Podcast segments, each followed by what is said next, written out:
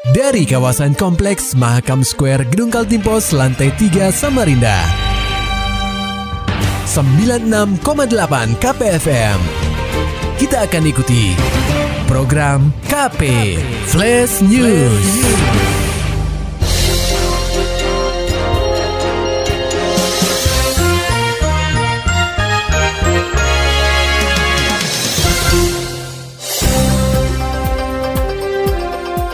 Anda sedang menyimak program KP Flash News bersama saya Agung Pratama. Pendengar KP, penanganan stunting masih menjadi prioritas bagi Pemprov Kaltim untuk segera ditindaklanjuti. Stunting sendiri merupakan kondisi yang ditandai dengan kurangnya tinggi badan anak apabila dibandingkan dengan anak-anak seusianya dan dipengaruhi oleh kurangnya asupan nutrisi selama masa pertumbuhan anak. Guna menekan angka stunting di benua etam, Dinas Kesehatan atau Dinkes Kaltim akan fokus pada penanganan seribu hari pertama kehidupan yang dimulai sejak anak berada di dalam kandungan. Kepala Dinkes Kaltim Jaya Mualimin menuturkan, untuk melakukan hal tersebut perlu penguatan dari lintas program dan sektor. Di sisi lain, Jaya menekankan ibu hamil juga wajib memeriksakan kandungan itu enam kali per kehamilan. Hal tersebut penting untuk dilakukan agar perkembangan janin dapat terlihat apakah tumbuh dengan baik atau kurang, ataupun ada kelainan yang dapat dipantau melalui USG. Tidak hanya dalam kandungan, proses pemantauan akan terus dilakukan setelah kelahiran dengan menilai berat badan dan tinggi badan anak yang masuk dalam kategori stunting. Hanya itu dipantau, termasuk dalam pemantauan ketika setelah lahir kan ditimbang di posyandu. Kalau timbangannya naik sesuai dengan umur, artinya tidak punya risiko stunting. Kalau timbangannya malah tidak naik, malah turun, itu punya risiko stunting makanya di situlah ada konsep uh, program di dinas kesehatan adalah uh, intervensi spesifik. Nah intervensi spesifiknya salah satunya pemberian makanan tambahan. Ya. Lebih lanjut, Jaya menyampaikan bahwa pihaknya menilai bahwa semua daerah sangat berisiko terhadap stunting. Oleh sebab itu, seluruh stakeholder diminta agar langsung melaporkan jika melihat ada tanda-tanda seperti berat badan bayi yang turun di setiap kabupaten dan kota, sehingga Dinkes Kaltim bisa langsung melakukan intervensi dengan memberikan makanan tambahan kepada anak tersebut. Berita selanjutnya, pendengar KP Dinas SDM Kaltim dorong kerja sama antar negara naikkan nilai tambah SDA di benua etam. Laporan selengkapnya akan disampaikan reporter KPFM Samarinda, Muhammad Nur Fajar. Pemprov Kaltim melalui Dinas Energi dan Sumber Daya Mineral atau ESDM berupaya memaksimalkan nilai tambah produk hasil alam di bumi etam seperti migas dan batu bara. Menurut Kepala Dinas ESDM Kaltim, Munawar, tidak bisa dipungkiri lagi bahwa Kaltim masih bergantung pada sektor migas dan batu bara. Meski demikian, alangkah lebih baik jika pemerintah bisa menaikkan nilai tambah sumber daya tersebut dengan cara melakukan hilirisasi.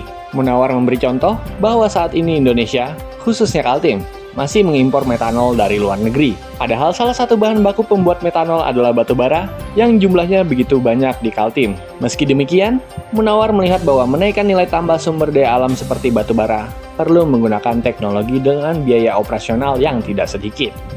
Melihat nilai tambah, mau nilai tambah ya. Nilai tambah ini kan kita pasti hubungan dengan teknologi dengan biaya operasional. Pertama teknologi pasti lebih banyak ketergantungan dengan teknologi luar. Misalnya kalau kita mau kita kan masih contoh aja metanol kita ini kan masih impor. Oh. Padahal kalau nilai tambah batu bara bahan baku kita ada. Kita bisa buat etanol, metanol dan lain-lain dari nilai tambah batu bara. Misalnya batu bara cair menjadi batu bara cair. Tapi kan energi eh, teknologi perlu harus yang tinggi. Pasti mahal.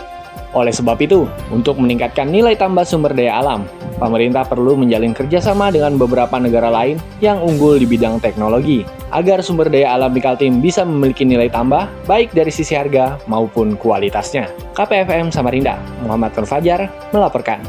Sementara itu pendengar KP kasus dugaan pemalsuan 21 IUP masuk penyidikan. Pansus Investigasi Tambang bakal RDP bareng Polda Kaltim. Laporan selengkapnya akan disampaikan reporter KPFM Samarinda, Maulani Alamin. Kasus dugaan pemalsuan 21 izin usaha pertambangan atau IUP di Kaltim mengalami kemajuan. Perkara yang ditangani Polda Kaltim tersebut telah naik status dari penyelidikan menjadi penyidikan. Menurut Wakil Ketua Pansus Investigasi Pertambangan DPRD Kaltim M. Udin, jika masuk ke tahap penyidikan, maka akan ada yang jadi tersangka dalam kasus dugaan pemalsuan 21 IUP. Menindaklanjuti persoalan ini, tim Pansus berencana menggelar rapat dengar pendapat atau RDP dengan Polda Kaltim. Tujuannya menggali informasi lebih dalam. Udin mengungkapkan RDP diagendakan pada 3 Mei 2023. Pembahasannya seputar mekanisme dan alur terkait pembuatan 21 IUP palsu termasuk orang-orang yang terlibat. Tapi pada dasarnya kita ya berharap polisian bergerak cepat untuk menuntaskan berkaitan dengan 21 IUP ini. Kalaupun nanti bisa ada solusi dan sebagainya ya 21 IUP ini ya kita lihat dulu administrasi kesalahan administrasi ini mana. Kalau memang ada kesalahan administrasi yang memang bisa melib, uh, yang melibatkan banyak pihak dan sebagainya ya kita minta diusut tuntas lah. Udin yang juga tercatat sebagai anggota Komisi 1 DPRD Kaltim itu berharap permasalahan ini dapat cepat diselesaikan kepolisian. KPFM Samarinda, Maulani Al-Amin, melaporkan. Maulani Alamin, Muhammad Nur Fajar, KPFM Samarinda. Serta dapatkan berita-berita selengkapnya di www.968kpfm.co.id. Demikian tadi telah kita simak rangkaian berita-berita yang terangkum dalam program KP Flash News. Persembahan dari 96,8 KPFM. Terima kasih dan sampai jumpa.